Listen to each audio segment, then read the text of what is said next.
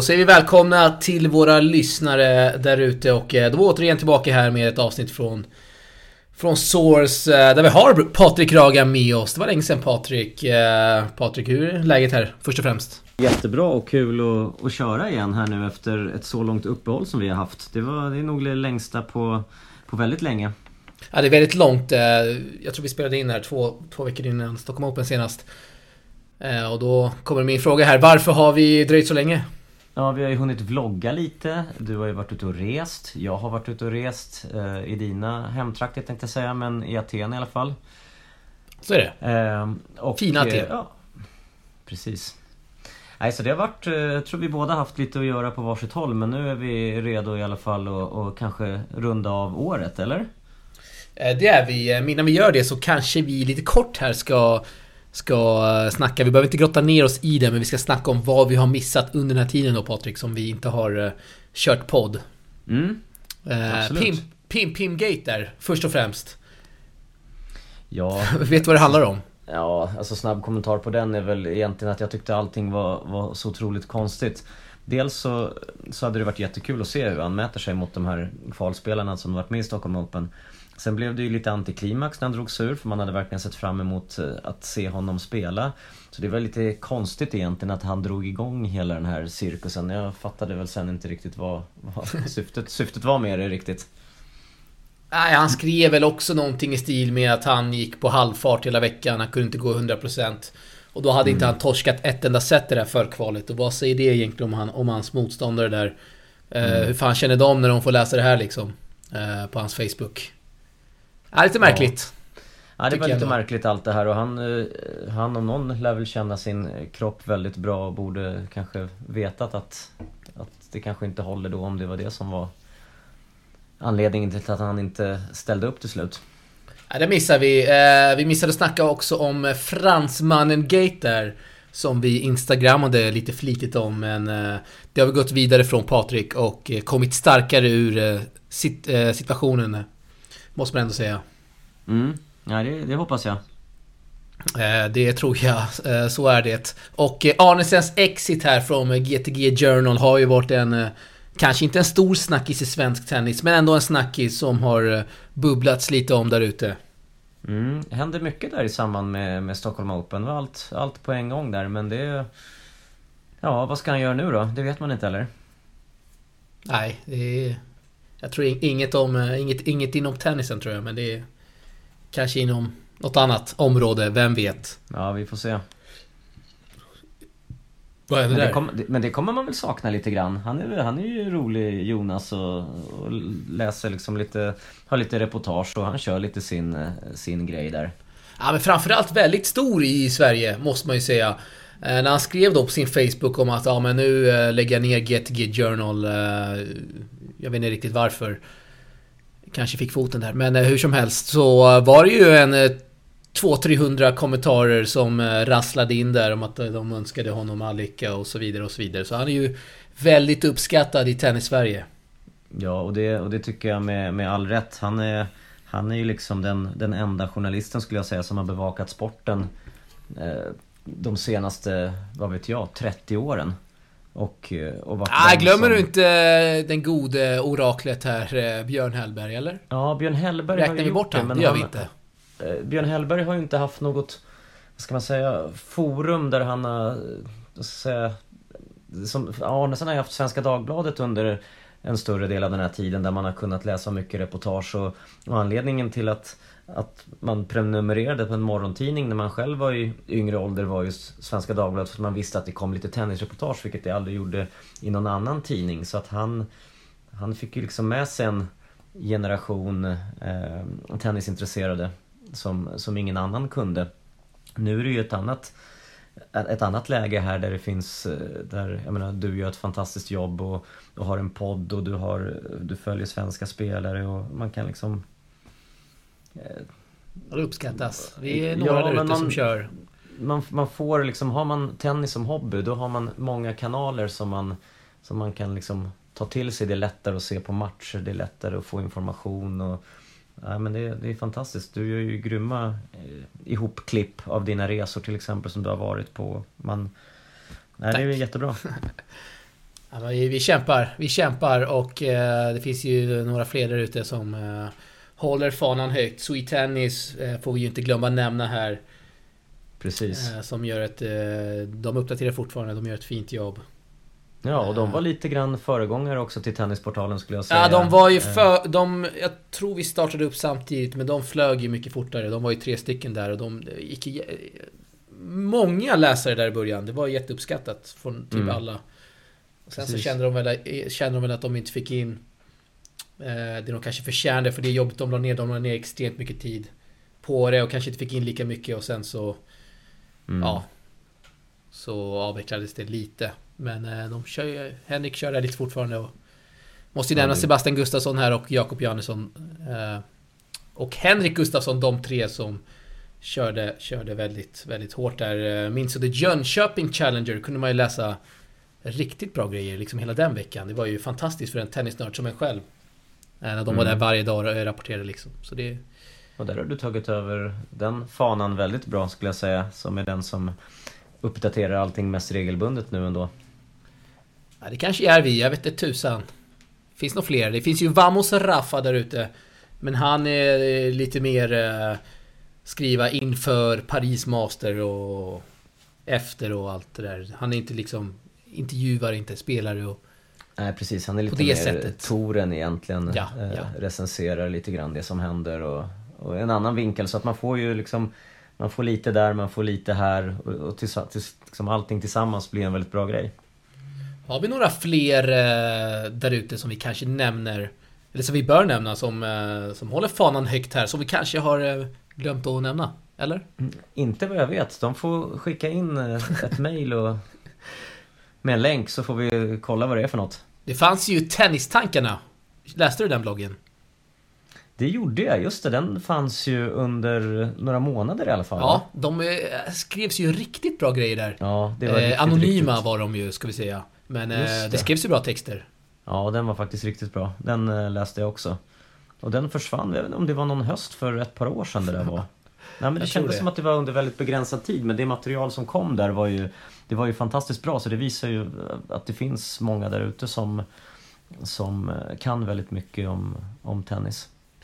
Jag- minns att de skrev om någon obskyr tennisverksamhet i, som bedrevs i privat regi här någonstans i Stockholm. Och en tränare som tog lite för höga anmälningsavgifter och gjorde lite för dåligt jobb. Så de var ju, Mm. de var ju bra på det ändå. Ja, ja verkligen, verkligen. Eh, vad har vi mer glömt att nämna? Davis Cup-slutspelet här Patrik. Jag fick inte någon riktig, riktig feeling där. Eh, som jag eh, vet att många av mina nära tennisnördar, kompisar och så vidare inte heller fick. Vad känner du hela kring eh, Davis Cup-slutspelet här då? Ja, Madrid. alltså jag, jag tycker ju så här att det, det var ju väldigt avslaget i början. Det var väldigt dåligt med publik. Det var en dålig hemsida. Det var svårt att, att följa resultat. Det gick, man kunde knappt följa vilka matcher det skulle vara. Eh, Det kändes, det kändes inget bra. Och sen, eh, sen mot slutet så vart det lite bättre. Det var mer publik, bättre atmosfär. Eh, Jag tyckte spelarna som var med visade, visade hjärta för tävlingen. Men eh, så att sen när det började bli slutspel då tittade jag och tyckte det var faktiskt rätt kul och man, man såg ju verkligen hur laddade de var och hur mycket det betydde för dem. Men om jag ska jämföra det här med hur det var innan så är det ju, jag menar, en slump som ska avgöra många matcher. Det är tre matcher i bäst av tre set och mot som tidigare fem matcher i bäst av fem set med hemma eller bortaplansfördel. Det, det går liksom inte att jämföra. Det här Nej. kändes som något bara liksom någon uppvisningsvecka som, nej, det, så det var mer avslaget än, än påslaget. Det var ju svårt att ta in det här med att eh, det gick så fruktansvärt fort hela den veckan. Det var liksom svårt att okej, nu är det gruppspel, imorgon är det slutspel. Eh, Mm. Det gick lite för fort. Man hann inte liksom eh, svepa in de här fina insatserna som, de, som det var emellanåt. Kände jag. Ja, ja, jag håller med dig. Och ska det vara liksom inomhus i Madrid varje år hur, hur ska då de här länderna som till exempel har massa grusspelare som, som förr om åren kunde liksom utnyttja hemmaplansfördel och så. Det, de kommer inte lyckas gå långt i Davis Cup troligtvis. Nej, det blir lite fusk för Spanien där. Ja, det blir ju också liksom bara de som har hemmaplansfördel och nej. Det, jag, jag, jag tycker det här, det, det, var ju första året och jag vet inte om de behöver tid på sig för att göra det här bättre men eh, jag tyckte det var en rätt avslagen, en total, totalkänsla liksom, betyg 2 av 5 eller 4 av 10. det kan vi landa i kanske. Davis Cup kanske, eller slutspelet i Davis Cup kanske blir ju extra intressant nästa år om nu Sverige slår Chile på hemmaplan. Eh, vi skrev det här på våra sociala medier om att, eh, ja men vad folket tror där ute. Eh, en eventuell utgång mellan Sverige och Chile. Och var det väldigt många som var positiva åt svenskarnas chanser. Jag fattar inte riktigt varför, inte du heller, i och med att Chile ändå har Garin och Khari där som har gjort mycket bättre än våra svenska herrspelare. Ja, verkligen. Jag tycker ju att Chile är, är stor favorit i en sån här match. Definitivt. Och båda de spelarna har ju visat bra resultat på andra underlag än grus också. Så att är de två båda med så kommer det bli väldigt, väldigt svårt. Men är någon av dem skadad eller borta, då tror jag nog att, att vi har en bra fördel. Och eh, det bor ju väldigt många chilenare i Stockholm. Mm. Det kommer nog bli ett jäkla tryck där och frågan är om eh, Sverige där med Segay och hans eh, vänner kan matcha det publiktrycket som de chilenska fansen kommer stå för. Om det nu blir Stockholm, det vet vi inte. Nej precis, Nej, det, det går inte att matcha chilenarna. De är helt fantastiska på att sjunga och supporta. Jag var ju med under Stockholm Open, den här matchen mellan, mellan Thomas Enqvist och Marcelo Rios. Alltså det är ju bland det häftigaste som som man har bevittnat på svensk eh, tennismark. Alltså det var, nej, de sjöng och de höll igång och det var trummor och det var, nej, det var helt underbart att se. Så svensk publik brukar vara väldigt mer eh, tillbakadragna. Så det blir... Eh, men kanske kan, kan som, du, som du säger, att det kanske kan vara ett gäng där som har trummor och, och sång och kan försöka matcha den chilenska publiken i alla fall. Känns som du... Eller så var det Marcelo Rios ja. som var så otroligt stor som, som drog chilenska fans att eh, att det inte är säkert att det alls kommer komma så mycket chilenare bara för att det är en Davis Cup-match. Det beror på hur man marknadsför det. Jag, jag har hört här av en kollega som är chilenare och eh, ja, men uppvuxen här i Sverige om att eh, han har redan visst eh, snackat med 200-300 på... Nej, 300 kanske och salta på här. Med 100 nära vänner och allt möjligt och kusiner mm. vad det kan vara. De är intresserade Patrik. Ja, vad kul. Ja, men då, då har vi något att se fram emot. Eh, jag skulle säga det att det, det känns som du eh, borde hänga lite i den där eh, klacken med Segay och hans polare. Trummorna och allt det Jag får nästan ta och göra det då. Försöka matcha och möta den chilenska sången. Ragan och Segays polare. Mm. Segay Gebremeskel här ska vi säga har har han varit klackansvarig för eh, Sveriges eh, DC-matcher här senare år? Eller? Ja, jag vet, eh, vet inte. Det kanske han har. vet du bättre tror jag. det låter så. Eh, lite kort surr här om vloggen Patrik. Vi gjorde några vloggar där i Stockholm Open. Var väldigt uppskattat från våra följare och tittare. Jag hade väldigt kul. Du hade också väldigt kul. Och mm. eh, det blev bra innehåll där kände jag när vi gick lite bakom kulisserna och snackade med lite folk som jobbade runt om tävlingen där i Stockholm och lite spelare också. Uh, vi klipper in här uh, lite hur det lät. Hörrni, då är det dags för den tredje och eh, sista vloggen från Stockholm Open och det är fredag kväll. Känns i arenan att det är riktigt bra tryck. Det är en saxofonkille som eh, försöker få igång stämningen här. Det gillar man. Ja, det gillar man. Och Swedish House Mafias eh, Antidot körs. När som helst kommer de komma ut här nu. Trumpetkillen här borta kommer att spela också. Han kommer nog spela trumpet i den här låten, vi får se. Här är som att vara på Spybar som vi tog upp i ett av poddavsnitten. With fan, huge fan favorite, Dennis Shapovalov. What did you do today to make this match so quick? I feel like the luck was on my side today. Niklas Johansson här, nu är det snabba bud. Vi testar mina 100 meters skills här. Vi kör vi. Vi springer efter Niklas Johansson. Niklas! Niklas hör inte. Niklas Johansson! Niklas Johansson smet! Han vill inte vara med i vloggen idag. Största chansen är att kanske åka till Guam eller någonstans för att faktiskt hitta Niklas där. Ja, det är närmaste vi har kommit tror jag. Nästa gång så åker vi på Future dit Niklas åker. En riktig legendarisk Future-spelare. För något år kanske det är Niklas som står här på centerkorten och spelar. Det hoppas vi faktiskt.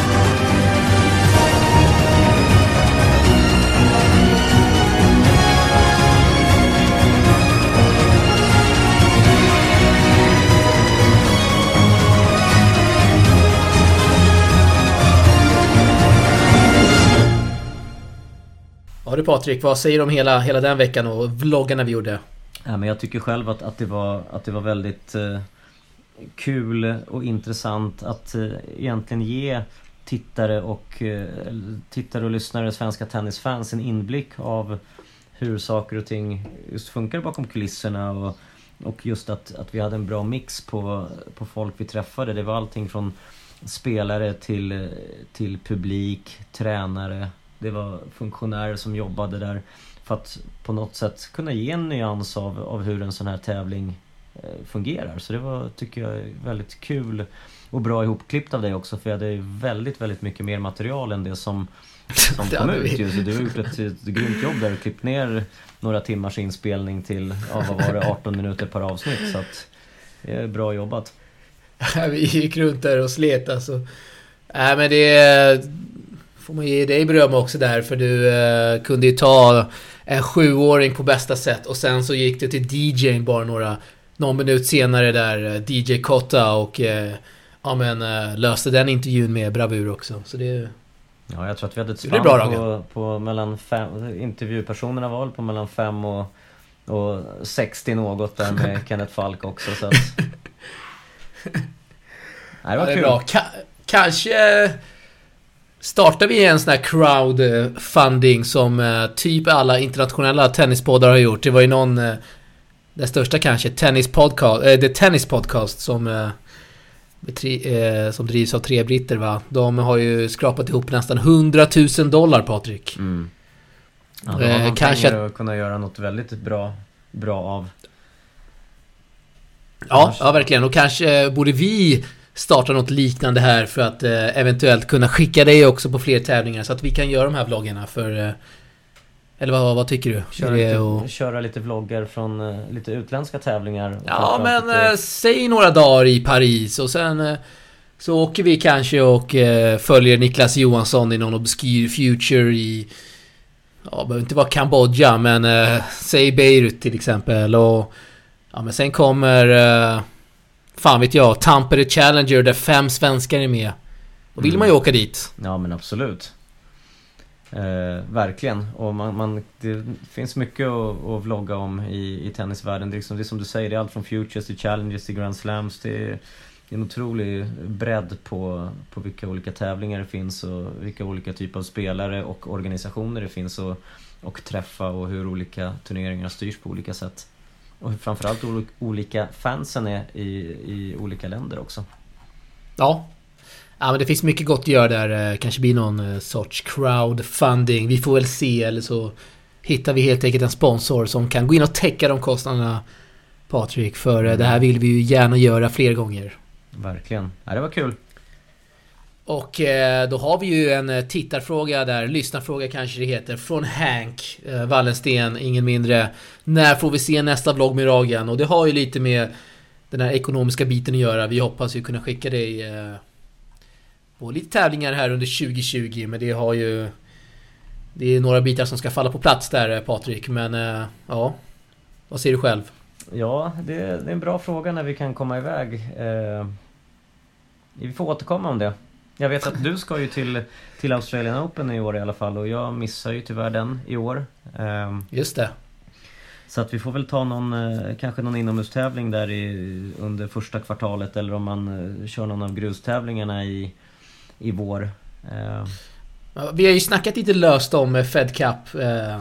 Just det, det har vi också ja. Vi har Fed Cup, vi har Davis Cup så det är, det är några händelser där ändå som Fed Cup i februari och Davis Cup är Luxemburg i, va? I mars, ja precis i Luxemburg. Så att det finns, det finns några alternativ så får vi se vad vi, vart vi landar i allt. Men det vore kul. Men en DC-vlogg kommer ju garanterat köra där, Sverige-Chile och eh, hänga på, på Rios och Masu och eh, alla svenskar såklart. Ja, ja.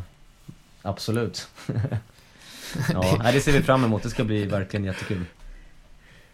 Och eh, vi går vidare här i podden och eh, Ska vi summera svenskarna 2019 eh, Då börjar vi då Såklart med Rebecca Petersson som vinner två VTA-titlar i år Och eh, landar på en 44 plats på världsrankingen Vad säger vi om Rebeccas år 2019 här Patrik? Ja, hon är helt klart att hon är, är nummer ett bland, eh, bland alla svenska tennisspelare i år. Gjort det helt fantastiskt. Hon är 38 singelvinster. Eh, har slagit liksom Venus Williams, Konta, Sloane Stevens. Hon har ju slagit hon Corey Gauff också, 15-åriga tjejen. Så att hon har ju haft eh, ett jävligt bra år. Eh, och just som du nämner, två titlar. Eh, och här spelar det ingen roll att det är, liksom, det är två mindre titlar. Eh, ingen av dem hon slog där är bättre rankad än vad Rebecca själv är nu. Och, och det säger ju lite grann att eh, liksom det smarta valet av Rebecca också att spela de här tävlingarna och eh, liksom välja de här mindre tävlingarna och att lyckas vinna dem är ju inte speciellt lätt. Uppenbarligen. Johanna har ju kämpat till exempel en hel karriär och har eh, två eh, VTA-titlar. Sofia Arvidsson har väl inte fler heller. Så det är otroligt svårt att, att, att vinna de här titlarna så det är ju fantastiskt ja. att, hon, att hon lyckades göra det och de kom också i, i, inom samma tidshorisont där inom någon samma månad eh, där när hon var i Asien. Så att det, det ger ju säkert en eh, grym confidence eh, in i nästa år där hon ju inte har speciellt mycket poäng att försvara första halvåret. Så hon har ju grym chans här att och fortsätta avancera på rankingen och kanske till och med bli sidad inför, inför eh, franska Wimbledon. Så att, eh, ja 44 nu och nej, det ska bli riktigt kul att följa henne i, i Australien här i början på nästa år. Har ju adderat Thomas Högstedt i sitt team där och de har ju Mixat med, eh, ja men eh, hon har ju testat ett headracket här. Det ska vara lite Lite tyngre och längre vad jag förstått. Om jag förstått mm. det rätt. Sånt där är alltid oroväckande också. Man ska testa nya racket här och, och det, hur det går och det kan ju bli en... behöver inte betyda framgång varje gång har man ju märkt. Andra som har testat nya racket där, det kan ta tid innan man hittar det där också. Det är bara att fråga racketexperten Hank hur svårt det kan vara att hitta rätt spade. Ja precis, vi får ställa en fråga till honom den här gången. vi kanske ringer han i podden. Ja. Eller nästa gång. Precis, bra idé. Han är Och så tar vi... största experten vi har i Sverige på det där. Eh, det är han verkligen och eh, ryktet säger att när Hank själv spelar match Då står han där med tre spadar eh, under armen Och eh, experimentera lite under matchens gång. Det gillar man lite ändå Patrik. Ja, ja verkligen. Jag eh, körde någon timme med honom här i, i somras. Eh, bara sådär lite spontant. Dyk han upp med ett 20-tal eh, racketar. Fick jag själv prova lite grann. Så att, nej, det är, är riktigt det kul. Ja. oj, oj. Nej, så han har, koll, han har koll på det där. Verkligen ett stort intresse för, för i ett väldigt svårt ämne. Eh, så är det verkligen och vi kommer ha med Hank i podden också ska vi säga. Någonstans eh, runt den 18-19 eh, december här när vi kör härliga intervjuer från tennisfolk runt om i Sverige. Då är Hank inbokad Patrik. Mm, det var kul. Riktigt bra. Det ser vi fram emot. Det ser vi fram emot. Och eh, vi går vidare här då. Johanna Larsson började året rankad som 75 på rankingen i singeln. Avslutar året 216 i världen, ett fritt fall där i singeln men äh, går fortfarande starkt i, i dubbeln och gick bland annat till, till, eh, till semifinal i Franska öppna. Mm. Tufft, tufft för singeln. Ja, det är egentligen Rebeckas raka motsats. Rebecka har varit grym och Johanna har varit, verkligen inte verkar hittat spelet alls. Hon har ju, ja, men sen US Open förlorat sex matcher i rad och de spelarna hon har förlorat mot har ju ja, varit rankade liksom runt 400. Två har varit sämre än 400 och någon har varit runt 300. Så att det är liksom inte att hon har spelat och förlorat mot, mot bra spelare i bra tävling utan hon har gått ner en nivå för att försöka hitta spelet och, och vinsterna och, och även alltså i, i de tävlingarna eh, i Futures då förlorat. Och eh, ja, på VTA-touren har ju bara tre vinster på hela året. Så att att komma tillbaka därifrån eh, krävs nog att man eh, ja, men försöker nöta på på lägre nivå. Och då kan du ju inte spela VTA-dubbel. Därför tror jag att, att, att det kommer bli en mer dubbelsatsning framöver från Johanna. eh, nästa år och så får singeln eh, bli som den blir. Ja, samtidigt... Ja, jag, har ingen aning hur jag har ingen aning hur tankarna går. Samma här. Men... Samtidigt har vi hört, eller ja, vi, ja, vi. Vi har hört ett rykte på Tennisportalen då om att Petersson och Larsson kommer att försöka spela så många tävlingar tillsammans under 2020 i dubben för att spela ihop sig då eh, inför eh, OS i Tokyo. Eh, inget som är... Det, är riktigt, det är ju riktigt kul i så Inget fall som är bekräftat, om de ska vi satsar säga. Så att, Men eh, enbart ett rykte, men eh, kul att höra faktiskt, som du säger. ja, verkligen kul att höra. Och Rebecca är inte den som spelar mycket dubbel så att det är förhoppningsvis något som kan lyfta hennes singelspel också. Och då krävs det ju att Johanna, då blir det ju att hon spelar på VTA-touren och i bästa fall får försöka kvala in i de här tävlingarna i, i singel. Och eh, eh, som sagt, då blir det ju mer en, en dubbelsatsning. Jag har inte superkoll, ska jag säga, på vad, eh, vilken kutt som krävs för att man eh, ska kunna, kunna spela OS i dubbel. Har du bättre koll där? Eh, nej, det har jag Det får vi inte, läsa på. Faktiskt. Ja, det får vi göra. Och jag vet att eh, Olympiska ko- kommittén i eh, Sverige, vad heter den? SOK va? De har ju också ja. lite regler på vad som krävs för att ja, man ska kunna skicka svenskar till OS. Mm. Men eh, Sve- eh, Rebecca och eh, Johanna borde ju kunna prioriteras ganska högt här. Känns det som. Ja, vi som eh, tennisälskare hoppas ju det. Ja, Men eh, det, där, det där vet man aldrig. kanske skicka någon eh, Man har, orienterare istället eller det, har flera gång, ja, men det har varit flera gånger man tror att det har varit liksom någonting liksom att, att nå- någon är up and coming och ska få spela OS och så har, den fall, så har det fallit på någon, någon regel och så skickar de någon som inte alls är i närheten så att nej, jag, det där vågar jag inte spekulera om ens. Nej, Vi bara håller tummarna för att Johanna och Rebecca spelar i år och sen, och sen spe, spe, får spela OS och gör det bra. det hoppas vi verkligen på Patrik. Eh, Vi går vidare här eh, i vår lista där vi ska summera, eller där vi summerar Svenskarnas 2019. Vi går vidare med Miriam Björklund. Hon eh, började året då rankad 474 i världen och vann sen två 15 000 dollars tävlingen i, i tävlingen i Monastir. Sen då i mars så vann hon ytterligare en där och eh, sedan en 25 i, eh, i Italien. Och eh, också en eh, fullkomligt eh, galen tillställning där i Båstads 125-touren. Tror den tog eh, lite över tre timmar va? De vann 7-6 avgörande tiebreaks. Hon vann en Mm. match där också och är nu rankad 3-19 i världen. Eh, då undrar man lite här om vi har en spelare som kanske inom, inom två år då spelar eh, Grand Slam-kval. Vad tror du om det? Ja, jag tycker att om hon håller sig frisk och skadefri så ska väl det kanske kunna ske redan nästa år. Hon har ju ja, 319 nu, måste upp till någonstans i 250. Eh, hon har vunnit 41 matcher i år så att jag, tror ändå att hon eh, att det kanske kommer inom två år eh, om hon fortsätter att spela så som hon har gjort hittills och som sagt håller sig skadefri. Så att jag hoppas att det, att det kan fortsätta och, och gå så bra som det har gjort för henne och välja rätt tävlingar och försöka få in ännu mer vinster. Och... Nej, det är riktigt, riktigt kul faktiskt. Och då får man tänka på som sagt att hon har inte ens ett helt spelår på grund av att hon har varit Nej. skadad. Så hennes ranking kanske skulle varit bättre egentligen. tar ju hjälp också nu av Jonas Björkman. Undrar man ju lite om eh, vi kommer se Miriam eh, spela lite servevolley här eh, framöver eller vad... Det kanske... Mm, och det, Ja, vad vet jag. Det behöver inte betyda någonting egentligen kanske.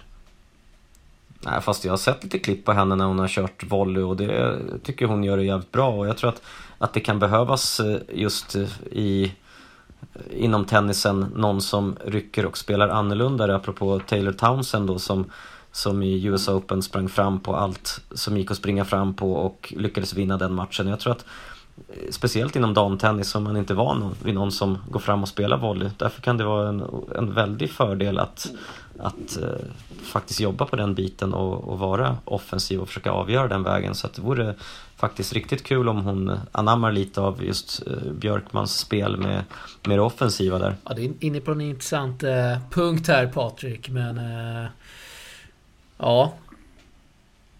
Det Mm. får vi helt enkelt se här. Det vore tror- kul du- att se lite om, eh, om en Miriam Björklund anammar eh, Björkmans... Sa jag Miriam Björkman? Det sa jag, hoppas jag verkligen inte att jag sa. Eller? Ja, Miriam Björklund, Ja, Jonas tack, Björkman, tack. hålla reda på det. Har vi, då har vi fått Ja. det eh, sagt. Eh, Ja, alltså där hoppas... Och från henne kan vi gå till Cornelia Lister apropå, apropå volley och så. Och apropå spelare som är eh, extremt duktiga på att eh, marknadsföra sig själva. Det har vi ju snackat om väldigt många gånger, de två. Ja, i alla fall inom eh, damtennisen i Sverige gör det bäst, får vi ändå säga. Mm, ja, verkligen. Då gör de riktigt bra. Eh, och eh, singelrankingen visar 877 i världen, 877 alltså, men eh, det spelar egentligen ingen stor roll när dubbeln går så bra som det gör. Hon är nu 75 i världen dubbel och eh, gjorde 2019 debut på Grand Slam-nivå då hon gick in i Wimbledon och US Open och vann också en eh, VTA-tävling. En riktig sådan i Palermo tillsammans med radarpartnern Borakova. som de, eh, ja, de har gjort det väldigt, väldigt bra. Och hon har gjort det väldigt bra lister här och går från klarhet till klarhet på, på dubbeltouren. Det gillar vi. Ja, verkligen. Hon har ju blivit en renodlad dubbelspelare och nu när hon får spela slams och, och vunnit så många matcher så, så blir det ju automatiskt att det kommer inte bli speciellt mycket singelspel för henne för att då måste hon ju ner med en 800 ranking så måste man börja spela ITF-tävlingar igen och det har inte hon råd att göra om hon ska eh, jobba sig upp på dubbel, dubbelrankingen så att eh, Nej, det där, blir, det där blir svårt för henne att spela singel i fortsättningen. Ja, det finns väl ingen anledning varför hon ska gå och spela singel igen. Som du är inne på här, utan det är bara Nej. att kötta på Nej, dubben och... inte. Ja men eh, försöka klättra, fortsätta klättra där på rankingen och... Eh, Ja, så länge det går så här bra ska hon Ja, bara ja, fortsätta och, och köra på. gillar vi, det gillar vi. Och eh, vi går vidare här. Ja, det, Om inte du vill lägga, lägga till något där. Nej, jag, tycker hon ska fortsätta som hon gör. Det verkar ju bra. Yes, vi går vidare med Big Mike Ymer, eh, Patrik. Eh, Big Mike Ymer. Som, eh, ja men vi gillar smeknamnet ändå, Big Mike, Big Mike Ymer och han verkar gilla det också. Mm. Ja men absolut, och han är ju en, en skön karaktär så att det är, Big Mike passar ju faktiskt väldigt bra för honom efter, efter att han faktiskt i svensk tennis är ju biggest så passar ju Big Mike bra. Han har ju haft ett enastående år också. Och därför ska han, otroligt intressant nästa år nu när han kan planera sitt schema utifrån att han faktiskt kan spela i princip ATP-tävlingar hela året och behöver inte gå ner till Challengers om, om han inte behöver, om det visar sig att han förlorar mycket på ATP-touren och behöver matchvinster och då måste han komma ner men annars så kan han nog eh, faktiskt börja sikta på att skippa Challengers helt nu när han är 74 rankad. Jag menar om han i år, Ja. vem har han slagit i år? Han har slagit Sosa, Bedenet, Songa, Manarino så det är liksom stabila ATP-spelare så att eh, Ja, och det slått Songa väldigt- inomhus i Frankrike, det är inte många som gör det alltså. Nej, precis. Precis så är det ju. Så att... eh, Nej, det är mycket att hoppas på där. Det ska bli intressant att se hur han, just hur han lägger upp sitt år. Otroligt kul. Big Mike Ymer, vi håller alla tummar som går att hålla och eh, då går vi vidare då till Elias Ymer, brorsan, eh, som började året då 111 i världen och avslutar 2019 som 177 på världsrankingen, har ju varit skadad mycket. Och befinner sig just nu eh, i ett getingbo där på Challenger-touren som inte är lätt att ta sig ur alltså. Det är... Eh, när man väl hamnar där så är det inte superlätt att ta sig upp på topp 100 i och med att folk är så jäkla hungriga. Alla vill ju ta det här steget liksom. Så det är, nej, skadade mycket också. Och eh, ingen vunnen titel här under året. Eh, tufft år för mig, för Elias. Brorsan, han eh, har, ja, verkligen, vad ska man säga där? Det skador är ju en del av hans eh, fall på rankingen förstås. Han var ju borta också några månader. Så att visst, Ja. det är, jag menar för Elias, det är bara att börja jobba, jag menar på samma sätt som han har gjort tidigare, börja jobba sig uppåt igen. Han, han har ju varit med om det här förr och, och vet, vet ju hur tufft det är och, och där blir det ju verkligen att och challenger, challenger-gneta. Så jag tror att skillnaden eh, mot tidigare år blir, jag vet inte hur, med tanke på att eh, Micke och Elias är så tajta med varann och har gjort mycket tillsammans så är ju nu första året som de kanske hamnar på två olika nivåer då i och med att Elias måste spela Challengers och Micke spelar ATP. Så kör de liksom, det det blir liksom, de kör var och en för sig nu. De har inte varandra att, att resa med. Och hur Nej. kommer det påverka? Och det blir en, det är ju nytt också för dem. Sen kanske vi får se Elias mer i ATP-kval, eh, där han hänger med Micke på de tävlingar eh, som Micke spelar. Eh, så, kan, så kan det mycket väl vara. Så kan det mycket väl vara och... Ja, men det löser de nog i dessa tider när vi har Facetime och allt vad det heter. Eh, så tror jag det inte behöver vara något problem där. Vi går vidare här då. Mackan Eriksson som bara för några minuter eller ja, för några minuter. 45 minuter eh, sen Patrik, när vi spelade in det här. Eh, vann elitserien för GLTK tillsammans med Samuelsson som vann avgörande match tiebreaket. Lite obskyr uppdatering där från förbundet. Eh, har ju rapporterats om här. eh, eh, men det skiter vi i, det ska vi inte grotta ner oss i för Mackan har vunnit elitserien. Och eh, det gillar vi såklart, Mackan. En... Eh, jag ska inte säga en stående, Ja, stående är profil här i. Source, men han har varit med några gånger och... Ja, det Skön blir kul med SM-guld. SM-guld för Mackan när IFK Göteborg inte lyckas ta några SM-guld så är det ju perfekt att GLTK kliver fram och Mackan visar att han är bättre än, än fotbollen där. Ja, det gör han. Så jag hoppas, att, jag hoppas att fotbollslaget stöttar honom lika mycket som han stöttar dem. Det får vi verkligen hoppas på. De borde ju skicka någon, eh, någon form av eh, hälsning där, kanske. Men han avslutar det här eh, 295 i världen. Eh, Och eh, han har ju som mål då Mackan att kunna, kunna eh, landa bland eh, 250 och eh, kunna spela Grand Slam-kval.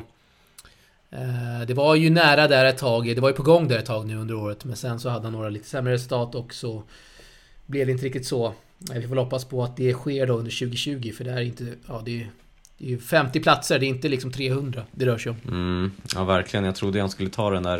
Det kändes som att han var på gång där.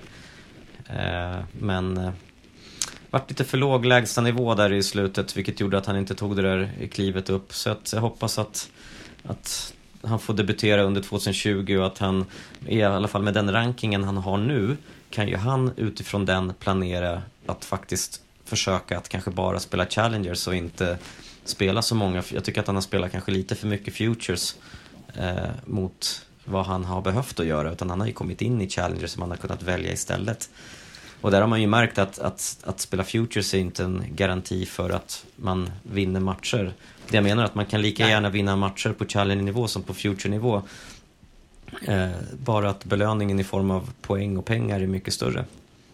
Ja, speciellt när... eh, När Challenger-tävlingarna nu har lite större lottningar och det är... eh, Ja, ja man kan många gånger få en mycket lättare match i Challengers än i Futures. Så Ja, ja. Det, Ja, ja, absolut.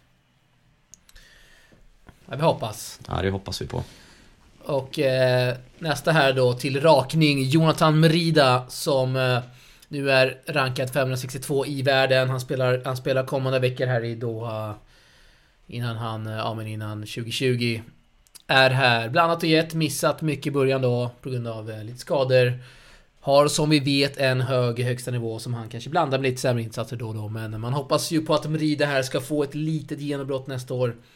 Och eh, kanske nosa på Challenger-touren för eh, han har ju väldigt mycket tennis i sig här, eh, Merida. Mm, alltså jag tycker att han inte är så långt ifrån, eh, spelmässigt så är han ju definitivt där, både få ordning på resultaten på de här futuresarna också. Han, han har ju spelat bra och han har ju förlorat väldigt många tajta matcher. Eh, I avgörande set eller avgörande set tiebreak. Jag ska tilläggas att han har ju en future-vinst även från, från 2019. Men, eh, men som sagt, han... eh, Högsta nivån är ju bra, så han, han spelar ju jättejämnt om en typ med Emil Russivori och sen kan han liksom veckan efter förlora mot en spelare som man, man aldrig skulle kunna tro att han förlorade mot. Så jag tror att, att han motiverar sig mycket mer och han är ju en sån spelare definitivt som spelar ju så mycket bättre mot, mot bättre motstånd och kanske inte riktigt är lika laddad när han, när han möter ett sämre motstånd. Det blir svårt att motivera sig och slå de här som är sämre. Ja men så är det och sen har, så sa han ju själv där i podden att han får lite mer rytm mot de här bättre spelarna. Att han, eh, det, han vet lite vad som händer samtidigt som när man möter de här lite sämre spelarna så Ja men så kan det komma ett eh, toppat slag och nästa boll så kommer en tromb. Nej men det är... Eh, inte en tromb kanske men det är lite oförutsägbart där med de lite sämre rankade spelarna så det är... Han trivs ju mot de här bättre som du är inne på. Eh, Ja, Men själv ungefär, man spelar alltid bättre mot någon bättre. exakt så. Mm. Eh, och därför är det lite tråkigt att du inte är med i eh, vår magiska tävling här 25 som vi gör lite reklam för nu. TP Salk jultrophy. Där vi har spikat åtta spelare i dagsläget. Affischnamn blir då Rida, Munga och Jitbarek, är han inte helt hundra Jitbarek. Men eh, vi kan nästan spika in Jitbarek där också. Det blir eh, ruskigt bra tävling. Du fick ett WC här Patrik och du tackade nej. Ja, det är riktigt, eh, jag verkligen grämer mig. Det hade varit riktigt kul att, att få spöa både Mrida och Monga där. Jag hade haft min möjlighet att få göra det. Dra med, med att, I och med att de är sämre mot sämre spelare så känner jag att jag hade haft min chans där. Och, eh, och slå de här Sen är det också grabbarna. super tiebreaks. Då, har man ju, då kan man ju få lite gummi om man ligger under med 3-0. Ja, ja, för fan. Det är bara in och kötta på. Nej, så det är jättesynd att jag missade. Men eh, jag får komma igen vid något annat tillfälle. Jag har missat båda de här TP-tävlingarna. Ja, det är lite av en skandal. Ja, men, Men, vi, eh, vi har du får snackat lite att vi ska åka ut och köra lite ITF-tävlingar istället. Ja, eh, inte jag, för jag är för ung. Men Nej, du är eh, där. Du får filma. Du, jag är där. Jag tar med kameran. Ja, Eh, ja, men ITF, vet, eh, vad heter det? ITF Seniors. precis. Japp, Där stämmer. ska vi följa dig 2020. Eh, lite snabba lyssnarfrågor här. Eh, Ante B på Instagram skriver så här. Kärleken till tennisen. När kom den? För er och vad har tennisen som är så tilltalande? I samband med Franska öppna eh, 1989 när Edberg och Chang spelade. Och framförallt, ja, så det, det är genom liksom Stefan Edberg och från då och framåt som jag har blivit väldigt, väldigt tennisintresserad. Så som jag har missat det här, allt det här med liksom Björn Borg och så halva Mats Wilander utan det är liksom Edberg och framåt som, som har varit för mig, Norman Enqvist och Thomas Johansson och allt vad det har varit och, eh, och, och på den tiden, på 90-talet så var det ju såklart mycket svårare att följa tennisen än vad det är nu. Då satt man och var beroende av Eurosport som, som sände en match i taget. Nu kan man ju liksom välja vilken bana man vill i hela världen och titta på. Då, då var det liksom, man hade text-tv och man hade Eurosport för, liksom för att ens få några resultat. Och så hade man dagstidningarna dagen efter så det var ju något helt, helt annorlunda än vad det är nu just vad gäller information och sådär. Så nej, det var någon gång där som mitt intresse i alla fall startade för, för sporten när jag själv började spela och så. Det är vackert och eh, den har hållit kvar, hållit kvar sedan dess. Eh, Ja, verkligen. Det har den gjort. Man hinner inte se lika mycket som man gjorde då. kunde man verkligen sitta en hel dag och titta. Men, men nu blir det liksom... eh, Det blir ju annorlunda också för nu, då kunde man inte se allting heller. Då var det liksom som sagt, det var en bana man fick se ifrån. Så man är, liksom, hälften av alla tennisspelare såg man aldrig som spelade på bana 1, bana 2. Eller nu kan man ju liksom gå in och titta på challengers och, och alla banor från alla ATP-tävlingar och, och kunna se liksom den här spelaren man har läst om. Då kan man direkt bara klicka in sig och titta om hur spelar han, hur är han som person, läsa, få lite information. Ja, det finns så mycket mer, nu har inte jag levt på din tid där som du nämnde, men det finns ju så mycket att grotta ner sig i och det tar ju liksom aldrig stopp.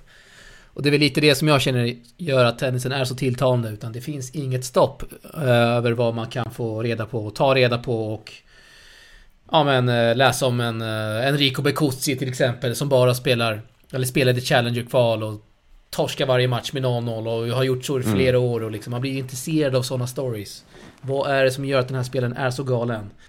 På antibispår där, vad som gör tennisen så tilltalande Det är också det här man-man Att man, man vill ju se en eh, Lite det här eh, gladiatormässiga, en mot en Man vill ju se en vinna och en falla Det finns något tjusigt i det som, ja men jag kan ju, jag är ju från uppväxt med fotbollen. Det finns ju... Det är någonting fascinerande med just det här en mot en. När man har växt upp med, ja men 11 mot 11 och kollektivet och allt. Allt vad det är. Anton Mattsson här. Vad tror vi om Mackans chanser att slå sig in på topp 100? Eh, den eh, tror jag är väldigt utmanande. Det är för långt upp dit med den lägsta nivån han har. Just nu så är han eh, långt ifrån det faktiskt. Och det är liksom förluster mot spelare som är Ja, en var ju rankad 1900 här bara för några veckor sedan. Men det är liksom allting från eh, 500 till 800. Det är liksom, man måste hitta jämnheten mer för att kunna ta sig upp till topp 100. Och det, där, det är den som inte har funnits riktigt. Och jag kan säga så att jag hoppas ju Nej. verkligen att, att jag har megafel här och Mackan går in och överbevisar här nu. Då Ja men det hoppas vi verkligen. Mackan som är en... eh, Som vi gillar här i Source, eh, som de flesta vet är en krigare utan dess like som... eh, Ja men lite, ganska många från hans generation där med Fidde-satsning där. De la ju ner, vi snackar lite Arvidsson, Patrik Rosenholm. Vem har jag glömt här? Mm. Ja, Fred Simonsson och... Fred Simonsson. Eh, Men Mackan har ju krigat på. Han har ju Mm. aldrig gett upp. Nej, det är imponerande. Det Därför jag hoppas att han, det. han får spela med Grand Slam-kvalen i alla fall till slut. Och han är ju så oerhört nära nu. Ja men så är det, så är det. Eh, till här från Mattsson. Eh, Hur ser din bakgrund ut Alex? Vad gör du om sidan av Tennisportalen? Det är en mycket bra fråga här från Anton Ja, Mattsson. Eh, vet knappt själv vad jag gör när jag inte håller på med det här. ja, men jag står eh, som tränare i Järfälla Tennisklubb. Eh, deltid då kan man väl säga. Lite helger och helgdagar. Eh, Så Tennisportalen är nästan ett heltidsjobb för dig då? Eh, ja, det är, ja, det är inget jag kan ta ut i lön. Men eh, eh, från och med det här året så har jag valt att ha det så här för att jag ska kunna vidareutveckla Tennisplanen. För det är med heltidsjobb tidigare så har jag känt att det finns ingen tid. Och eh, vill helst inte göra någonting liksom halvdant. Du spelar in lite vloggar så du kan lägga lite tid på att redigera. Det är, det är en tidsbov. Eh, Det är en enorm tidsbov. Eh, Jag tror jag aldrig känt mig så sliten där som efter Stockholm Open. Det fick bli en eh, trip till Polen där faktiskt några dagar efter det och bara chilla faktiskt. På tal om Polen Mm, som är så fint. Som du är ifrån Patrik. Precis. Det är ett bra land att åka och vila upp sig i. Det kan jag intyga. Lugnt och skönt. Men, faktiskt. Men Eh, jag kommer också hjälpa Tennismagasinet här att starta igång sin eh, webbdel. Så det kommer jag göra också. Men eh, Tennisportalen kommer vi försöka fortsätta att vidareutveckla. Vi, vi har ganska många intressanta projekt på gång och det ser man fram emot att uppfylla dem under 2020. Mycket gott att vänta där Patrik. Och du kommer vara med en del på resan hoppas jag verkligen. Vi ska försöka lösa det till så många tävlingar som möjligt. Absolut, absolut. Det ska bli ett kul 2020. Det ska bli superkul. Vi kommer inleda året med Australian Open. Du kommer hålla ställningarna här från hemmaplan. Och eh, Ja. snappa upp det som vi kommer missa där borta. För det är, man är inne i en bubbla och det kommer nog hända att man... eh, Även fast man är där på plats så är det någon grej som kommer slinka ur en eller som man inte kommer liksom snappa upp. Och då är du där som en hök Patrik. Och eh, basunerar ut det. Det man själv känner när man är ute på tävlingar är ju, så, speciellt Grand Slams, man är ju på en bana och man är koncentrerad på det som händer på den banan och det är så mycket olika intryck Ja. med, med, med allt som händer runt omkring. Just till skillnad från när man sitter hemma och kan följa i princip då fem, tio banor samtidigt och allting som händer. Så att man har ju definitivt bättre koll av att av att sitta hemma med olika enheter uppkopplade mot den här tävlingen än att faktiskt fysiskt vara på plats. Så är det verkligen och sen när man är på plats då... Ja men det är så mycket tid som går åt att man ska kanske trängas lite kör här och där och sen ska man hitta en toa och sen ska man käka och då... Ja det är... Det är inte jättesmidigt alltid när det är liksom en... Eh, ja men... Eh, en, eh, säg första dagen när ett Grand Slam startar. Det är hur mycket folk som helst och även fast Australian Open är liksom... Du har ju varit där. Det är ju en enorm anläggning men det är... Den fylls ju upp rätt snabbt. Så det har ju sina utmaningar men... eh, Ja, du får komma 2021 Patrik. Eh, Bokar vi redan nu.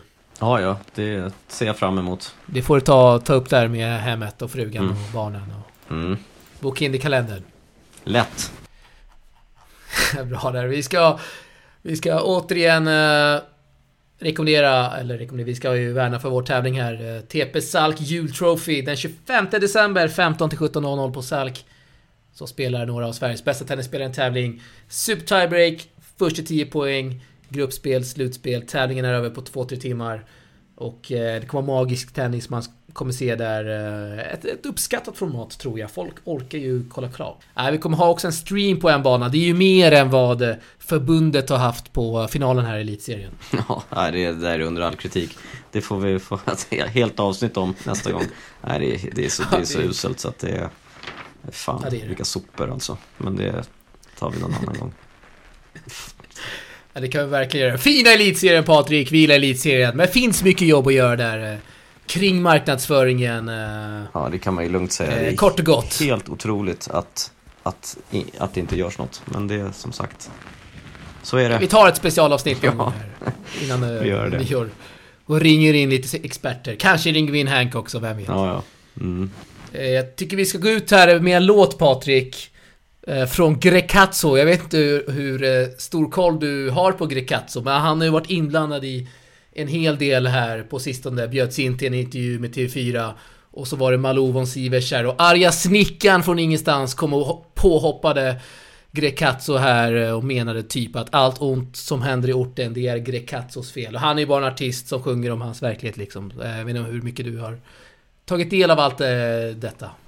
Alltså, ska jag vara helt ärlig här så hade inte jag hört talas om den här killen överhuvudtaget förrän jag hörde om den här intervjun då med, med Malou och, eh, och arga snickaren. Så att jag, jag har ju sett den här intervjun, eh, men jag har ingen koll på hans musik. Nej, men han gör bra låtar måste vi säga. Har ju haft eh, 40 miljoner streams i år på Spotify. Det har ju inte vem som helst. Då är man ju inget blåbär. Så han kan ju onekligen göra musik här. Grecazzo. Vi slänger in en låt Patrik. Som heter För sent. Ja men vad spännande, men vem är, men om vi ska ha lite så här tennis, eh, om, om han är, om han hade varit liksom på tennistouren, vilken ranking har han i, alltså som rappare eller inom musiken, inom svensk musik, mot vilken tennisspelare är han då liksom? Är han, är han topp top 100, topp 10?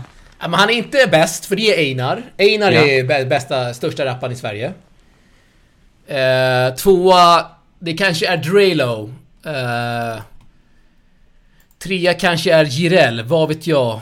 Eh, det finns ju några där bakom. Han är, han är väl där bakom liksom, då, det yttersta toppskiktet. så han kanske är, en han är inte i. De här du Eller? nämnde, jag tänkte så här att du ska säga etta är Doggy Doggelito, tvåa är Petter, trea är Ken Ring. Men här är hamnar vi borta 90-tal. på... De är, de är typ, de är långt ner eller? Nej, Petter är fortfarande stor. Doggy Dolito är ju... Han är ju längst ner. Bland, han är ju i frysdisken. Bland fiskpinnarna. Ja, Eh, vem sa du mer där? ja för fan. Nej, jag vet inte, alltså, Ken, Ken Ring stor 165 Men Hässelby. säg att eh, Grecazzo kanske är... eh, Ja, topp 15, nej topp 10 då inom... eh, Ja, just nu då. Sen... Eh, historiskt sett vet jag inte, men säg att han är topp 10 just nu i svensk rap, det är han definitivt. Då är han ju en Mackan Eriksson i alla fall, lätt. Mackan är ju topp 3, Mm. Ja, men det är topp han. 4. Och det tycker jag var en bra jämförelse, för Mackan är ju en, en favorit här för oss. Eh, Men vi slänger in låten för sent här, eh, som en, kanske en hyllning till våra tennisspelare, att det aldrig är för sent där ute. Härligt, det var, det var bra. Är det hans, är det hans största hit, Grecazzo, den här för sent? Eh, nej, det Eller? är eh, Hotspot enligt Spotify, men eh, för sent har ju då nästan 10 miljoner streams, så det är ju en jävla dänga.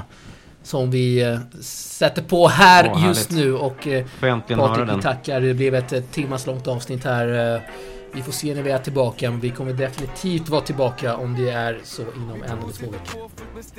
Nej, vi, vi stänger ner där Patrik och vi tackar för att... Ja, jag vill höra den här Grecazzo nu som det snackas mycket om här. Nu är jag ivrig.